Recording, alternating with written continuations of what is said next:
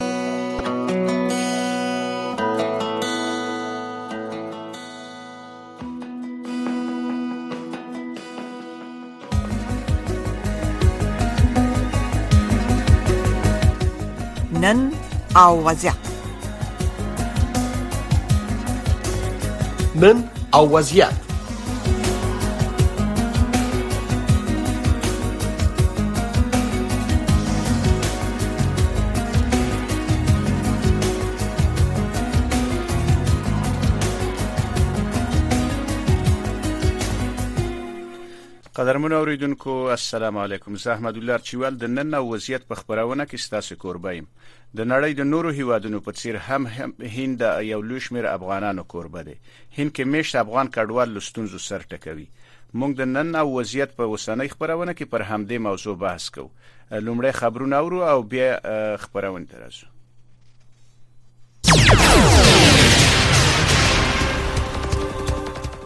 السلام علیکم درنو ریدونکو ستړي مشي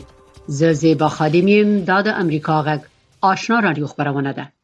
د نړۍ د دې ساعت خبرونو ته اساس پام را اړوم د طالبانو د ریاست الوزرا سرپرست مولوي عبدالکبیر او د بهرنیو چارو سرپرست وزیر امیر خان متقي د خپل حکومت د جوړښت دفاع کړې ده. د طالبانو د حکومت لوړ رتبه چارواکي ټینګار کوي چې حکومت یې هم شموله دی. د ریاست الوزرا سرپرست مولوي عبدالکبیر د پنجشنبې په ورځ په کابل کې په سپېدار ماڼۍ کې غونډې ته ویلي دي چې که د هم شمولیت معنا دا وي چې د افغانستان مختلف قومونه د مختلفو ولایتونو او د مختلفو زونونو خلک په حکومت کې وي نو هغه په همدې حکومت کې شته دی مګر که د همشمولیت معنا دا وي چې یو څه مفسد عناصر د ملک نه تښتیدلي کسان په حکومت کې وي نو هغوی نه ملت او نه مونږ ته د منلو وړ دي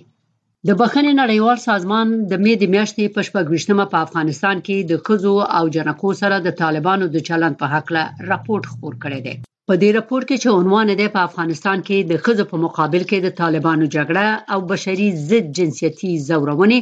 ویل شوي دي چې د افغان میرمنو او نجونو توقیفول، شکنجه کول، لادرکه کول او د طالبانو دغسې نور اعمال باید د جرمونو د نړیوالې محکمې د قانون د اوومې مادې د اول بند په اساس وڅېړل شي. د امریکا غږ آشنا رادیو نه د نړۍ خبرونه اوري.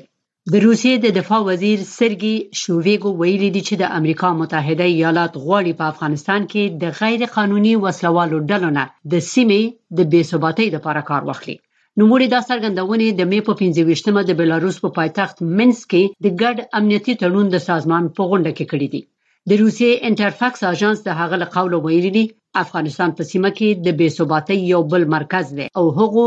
غیر قانوني وسله والو ډلو چې په افغانستان کې د طالبانو د بیا واکمنېدو نه وروسته ډېر قوي شوي دي، یو بل خطر متوجه کړی دی. امریکايي چارواکو تر اوسه پورې د روسیې د دفاع د وزیر د دې ادعا په هکله تبصره نه ده کړې.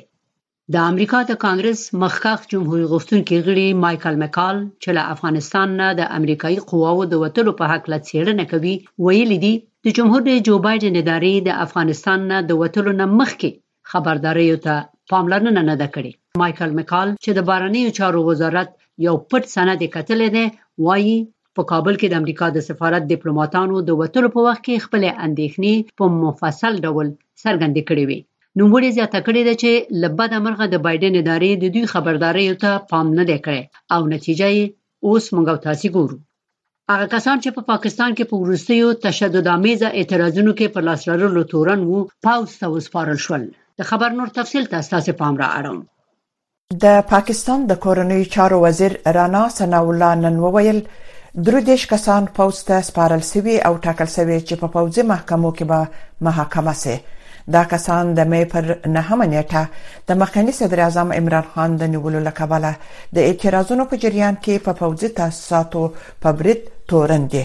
سناولا وویل دغه تورن کسان حساسو دفاعي تاسیساتو ته ننوتي و خو ویلي دي چې تر اوسه دا نه ده معلومه چې دوی څنګه پوځي تاسیساتو ته ننوتي و د بخښنې نړیوال سازمان د پاکستان له حکومت څخه غوښتي دي چې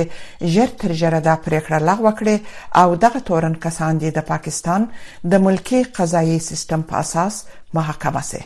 شافیا سردار امریکا جاغ واشنگټن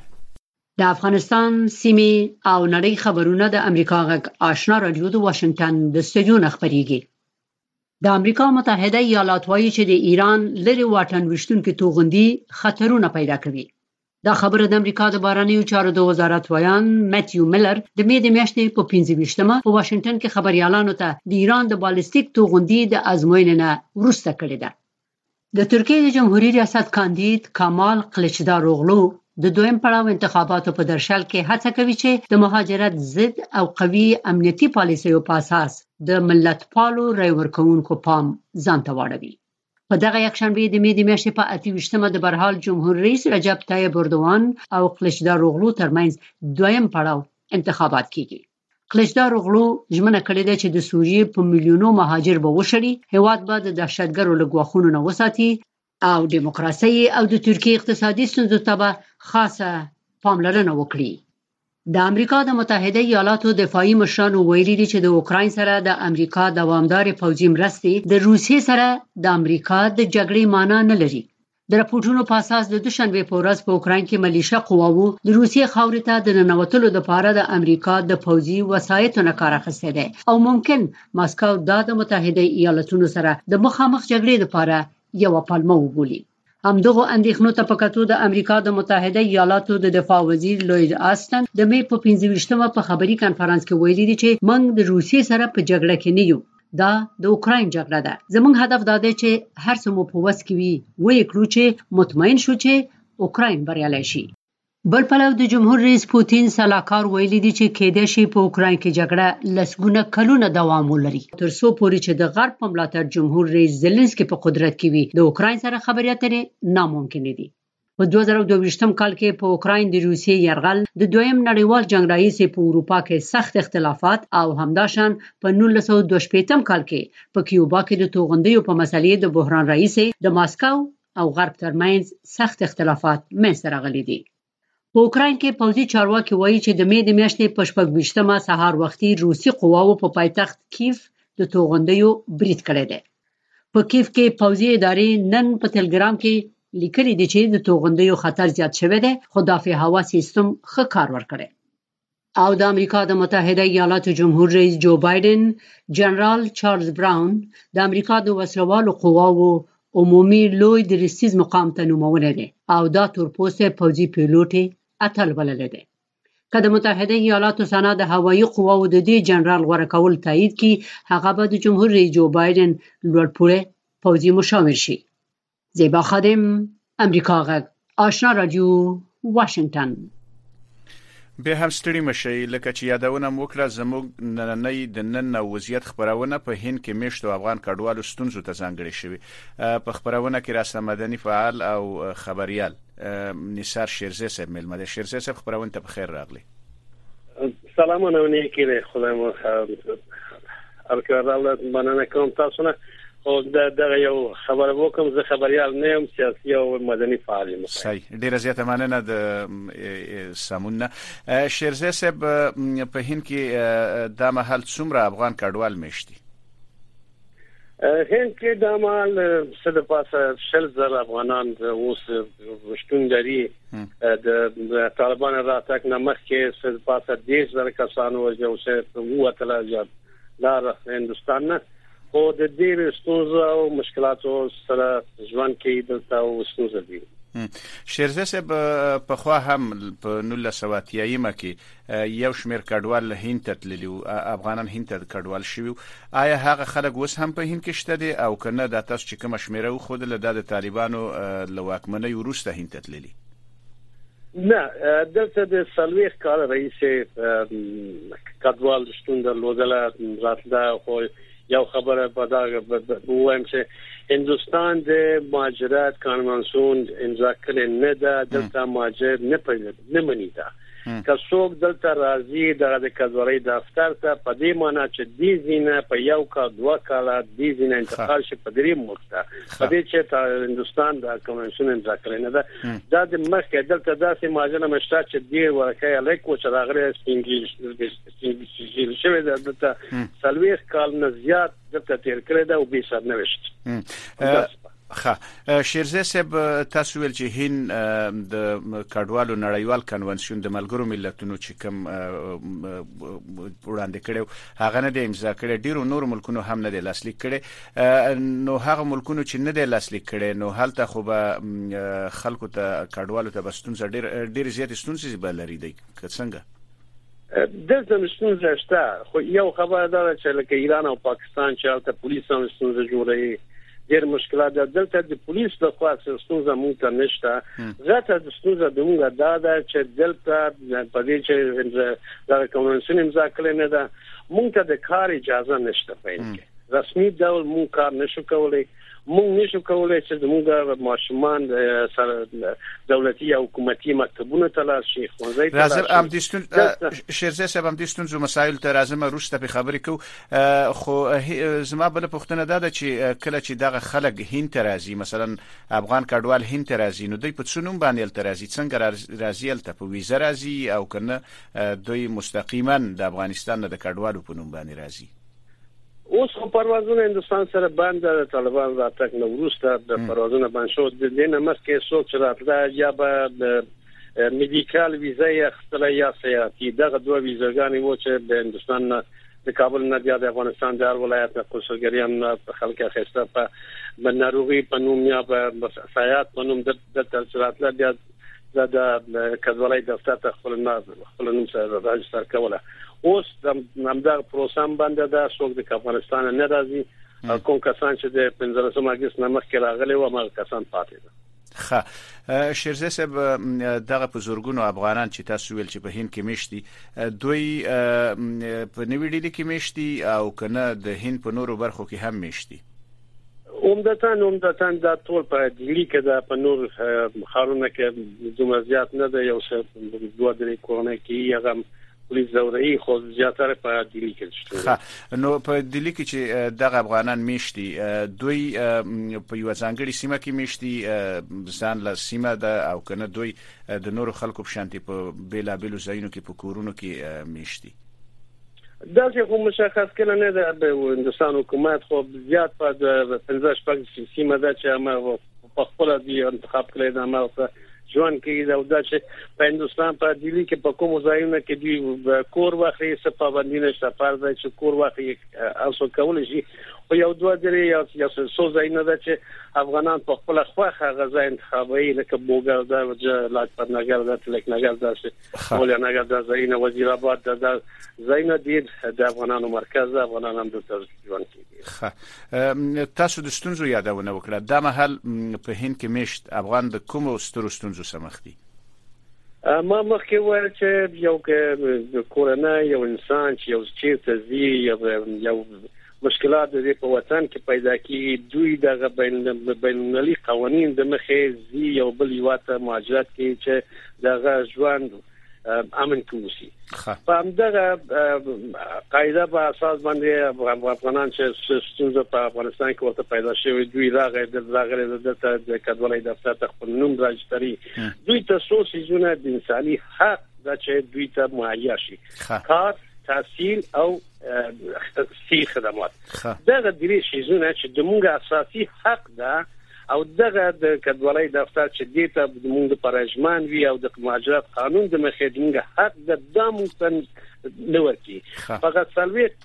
کال نه رئیس چې دلته افغانان اوسي کډوال شته دا دیني شیزونه مونږ ته معیا نه ده زمونږ مونږ ناروغ شو مونږ مجبور یو چې شخصي شفاخانه ته لاړ شو اول ته په شخصي پیسو باندې خپل علاج وکړو که زمونږ ماشومان سبق وایي دوی په شخصي خوانځي او شخصي پونتون ته لاړ شي که کار خونشته کار اجازه نشته مخکې دم دومره و چې دغه ناروغان راغل راتله افغانستان خلک به ترجمانی کول یا څه پیسې ګټله اوس هغه مرسته مجبور ده په ډیر کم پیسو باندې په پته یو دکان ته لار شي شاګردي او کې هغه نه ورسته څوک نور کارونه دلته معیا نه ده افغانان ته ملل متحد د کډوالۍ دفتر دې ته دې درې شزن ته بالکل توجه نه لري تاسو ویل چې افغانان په پټه باندې په هین کې یو څه نه څه کار کوي هین خو ځان له یو د سهیوا د چې ډیر زیات نفوس لري او خلک د ستونزو او مشکلاتو سره مخ دي دغه کار چې افغانان په پټه کوي دغه کارونه په اسانۍ پیدا کیږي او کنه ټول خلک دغه کارونه هم نشي پیدا کولی ډیره په مشکل وباندې ډیره په مشکل وباندې چې په کوم دکان ته شاګردي پیدا شي چاته د کپتی ته پیسو باندې او په مشکل ډیره خلک هم دلته په دومره بد وضعیت باندې ژوند کوي چې ځکه کله چې زه خپل چې په وکاله مخکې راغلم دلته ما ولیدل چې سیستم زده او خلک دومره یو همت هم چا نه درلود چې دا کډوالۍ دفتر په مخالف आवाज پورته کی دلته یو شکل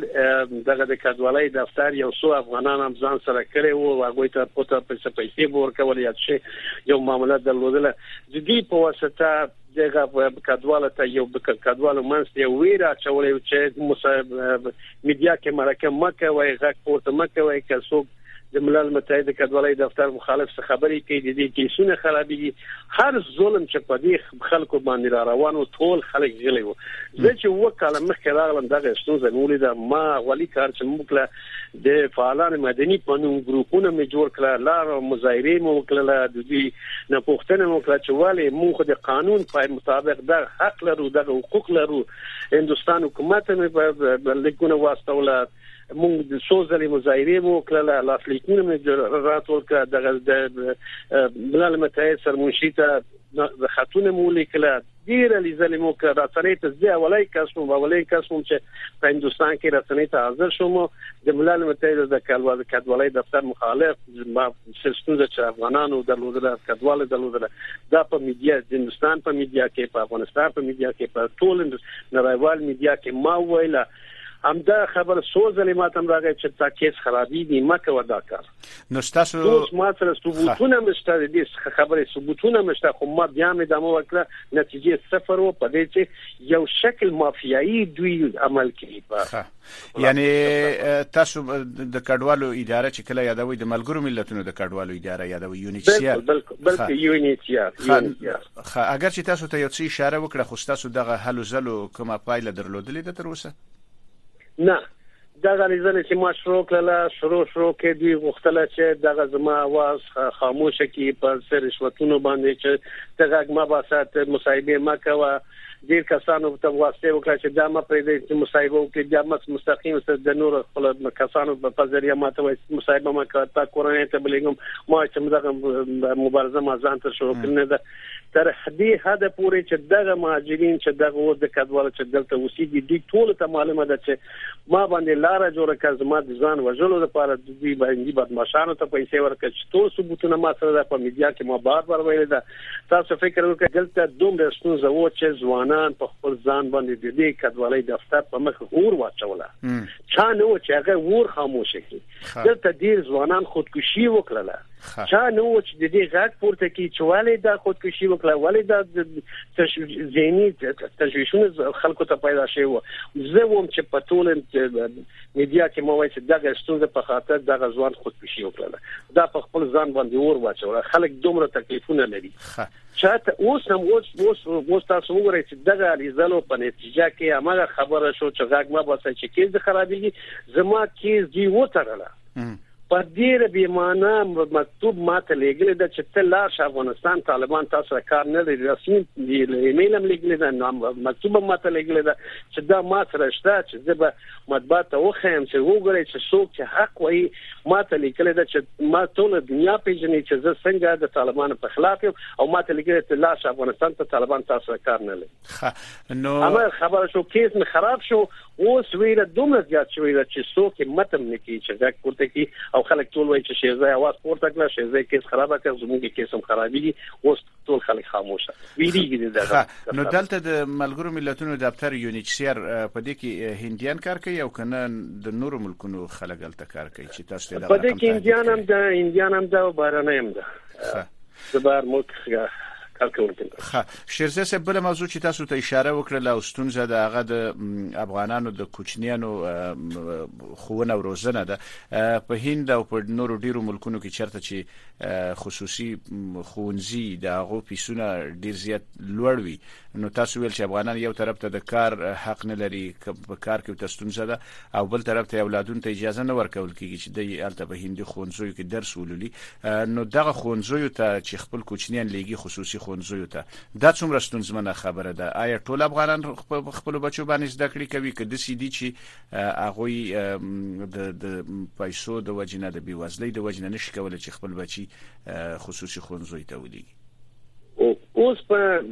دلی کې موږ دوه قسمه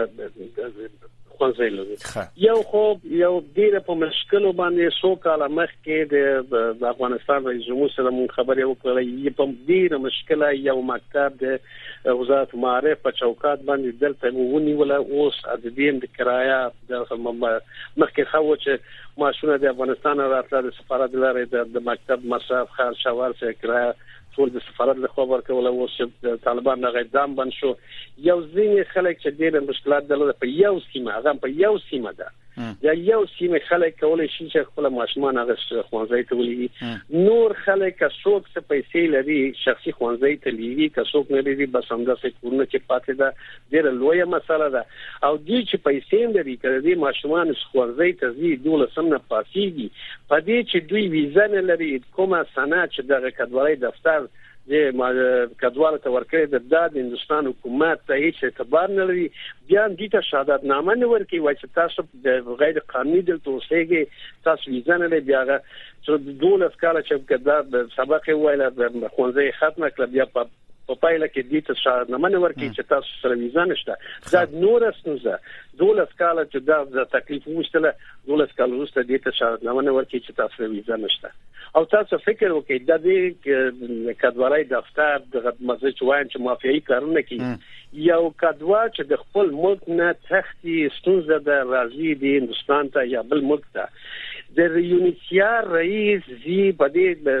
د دې په یو چې د کدوا په خپل دفتر وغوړي د دې ستونزه واوري او د سره خبرې وکړي د سفارت د نن زی او دغه کډوال په سفارت غوالي او د سفارت سفیر هم د امنیتي کمرې دی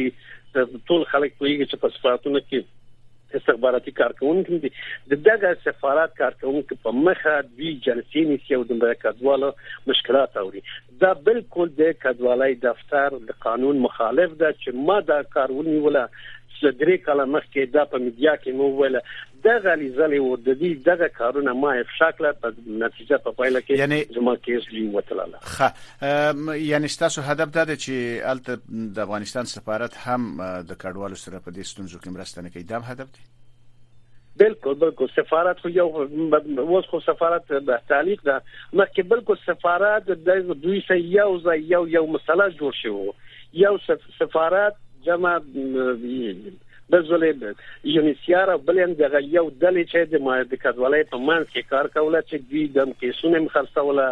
د غریفوجي کارتونه دوی خرڅوله دوی د ویره ما چوله په کډواله باندې چې خپل غږ مباسي دا درې یو یو مثلث جوړ شوی وو په مثلث د یو ګټه یې کار کوله ښه شیرزی صاحب تاسو ویل چې تاسو په انفرادي توګه یو څه هلې ځلې وکړلې او تاسو د ستونزو سره مخ شئ نو افغانان که چېرته د دغو مرستونزو سره مخ وي نو ولې بیا داسې مجموعي یا په ټولیزه توګه باندې د خپلو ستونزو د حل لپاره هڅې نه کوي مونږ ډیره لیدلې وکړه دا سينو چې دی اوازې د غلې ځلې ما شروع کړې او شروع ما وکړه ډیر کډوال ما سره یو ځای و ټول په ګډه مظاهره مو کړه ډیره لیدلې مو کړه په پایله کې چې زما کې زی وتل دا ټول د ویر د لاس اوس خاموش شو اوس څوک غږ وته نه کوي چې د شیزه کې به وتل سبا زما کې سم بندي ما د دغه زینبو شری و بسي دغه ویره او زیات شو په مهاجرو باندې چې همغه خبره مخکنۍ خبره صحیح و چې غږ پورته مه کوئ چې کیس د خرابېږي رښتیا د شعر دی کیس خراب شو اوس ویره په مهاجرو باندې په کډواله باندې زیات شوې ده اوس څوک یې متم نه کوي صحیح تاسو چې زیات شکایت وکړ د یونیچسیر د ادارې نه موکه آیا د هند حکومت سره تاسو په دې اړه خبرې کړې مونږ بس د میډیا د لاره ډیر هلې ځلې مو کړه دوه درې ځلې یو هیئتونه وټاکل لار د دغه دفتر بررسي وکړه خو بیا هم د داودي د ملل متحد په چوکات کې کار کوي دوی د هندستان حکومت د خپل صلاحیت مطابق اون سره مرسته وکړه ما هر کله ویل دا کوم څنګه چې دلته دا د هندستان حکومت د هندستان د خلکو څه مشکلات نشته موږ ته هندستان حکومت یا هندستان خلک څه مشکلات نه دي جوړ کړی دا هر ستونزه چې دا دلته د کډوالۍ د دفتر له خوا ده همدا د کډوالۍ دفتر تاسو فکر وکړئ یو کس راځي د افغانستان نه یو څه پیسې ځان سره راولي په دې هیله چې زه زوم دي دین یو د بل ملک ته زما او زما سره د ماشومان یو سرنوشت معلومیږي دا راځي هغه پیسې ورنه خلاصيږي د پیسې چې خلاص شو کومه کار چې دوی ته ورکی او د بدوی په تمه چې زه یو کال دوه کال انتظار و زه د په د لاس کال او شپږ کال او اته کال تیری بیا د دې کې کیس نه سره کی نه نه تقریبي بیا شپږ کال او کال یا لاس کال ورسته ورته جواب راځي چې تا کیس رات شو ته ځار افغانستان ته دا چې زی چې لار شي بیرته لاس کاله یا وسپا کاله و کاله ورسته چې لار شي بیرته افغانستان د کوم کار چې دغه کډوالۍ دفتر په اته کالو دې ته ورکړي دا دغه کار د هندستان حکومت اعتبار نه لري دوی خد مخکې د مخکې خبره نه ده کړې دا بیا هغه وخت په هندستان پولیس سرحدي پولیس یا د پاسپورت یا ویزه دفتر دوی ته وایي چې تاسو دومره کال چې دلته تیر کړی د غیر قانوني تیر کړی په هر کال باندې دومره جریمه ورکړي دی لاړ شي د سوچ دغه کډوال هغه جریمه پرداخت نه کی هندستان حکومت ولس پرې د دې ایگزیټ نه ورکی خروجي ورته نه ورکی مخکې کالونه ډیر کسان هم داسې ګراو پاتې او اوس پورې هم داسې ګراو پاتې ده چې کوم پیسې نشته چې جرمانه چې ور باندې راغلي دغه جرمانه تحویل کی لاشي او دې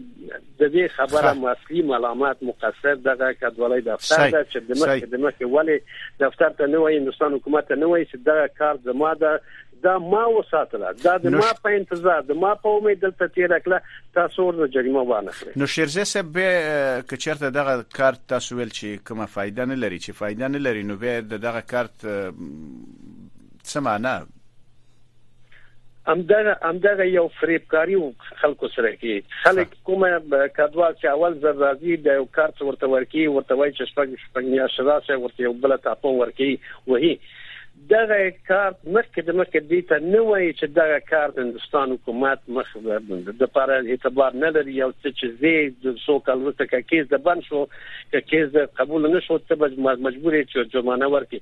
کدا ورته اوله ویله نو بیا هم خلک به څه تصمیم وي خو دا کار ته اعتبار نه لري که زما کیس ضعیف وي دا به زی دا ول ورته نه وایي دا ول ورته وایي چې زه دې کار ته کار کې لیکل دا چې دې کار ته کول شي کور واسه دا کار وکړي دا کار وکړي ټول دروغ دی یو کار هم نشي کولای معمولی خبره چې سیم کارت ده د موبایل سیم کارت دې کار سره څوک نه ورکی کوم پیسې که دلته خو کار نشته که خپل خپلوان د بهر نه پیسې ولېږي د دغه کار سره هغه پیسې مونږ نشو اخیستلی صحیح شیرزی صاحب یو بل پوښتنه او هغه دا ده چې هند کې خو خلک په هندي ژبه باندې خبرې کوي یا په انګلیسي باندې خبرې کوي هلته چې دا کم کوچنیان غټیږي دوی څنګه دیو د پاره دغه چاپیریال کې ژوند کول څومره اسان دی او کلتوري مسایل څنګه کیږي تاسو تر اوسه پر توانیدلی وی چې هغه ژبه او د ژبې سره او نور د کلتور سره تړلي مسایل په خطرې قباندې دغه کوچنیانو ته ورولېږدوي د کورونا مخکې نه مخکې مو مخزه خو خپل د دې کولیزر مو کړ چې خپل کلچر د کلچر هڅه چې دا موږ وساتو ما ماشومان په منځ کې ډیر ورځې ځلې مو کړل او دغه ماشومان چې دلته پیدا کی په دغه محیط باندې پیدا کی په دغه محیط وی کی دوی ژبه مزه کوي زر د دوی کلچر بنانات هر څه دینه استفاده کوي زکه سربیره په دې کورنۍ ډیر کورنۍ کوشش کوي خپل خپل کورنۍ د نن کوشش کوي چې خپل افغاني رسم رواج باندې ته خپل ماشومان ته وخی خو هغه کوم اصلي نتیجه چې ورکی داسې نتیجه نه ورکی معلوم دار ده چې په یو محیط څوک لوي کی دغه محیط کلتور او عنعنات زده کوي دا یو بل بلکې دموږ ناوړه دغه ده هغه زده چې په موږ په کلتور او په ماشومان باندې ډیره زیاته مننه قدرمن اوریدونکو زموږ د دې خبرونه میلمه نثار شیرزی صاحب شیرزی صاحب تاسو نه مننه کوم چې موږ ته وخت راکړ او خبرونه کې خپل نظریات شریک کړل د اوریدونکو نه هم مننه کوم چې تر اوسه پورې زموږ سره په خبرونه کې ملتیا وکړل زموږ بل خبرونه ستاسو غږ یا صداي شما خبرونه د هیله ده چې موږ ته زنګونه وهي او زموږ خبرونه واوري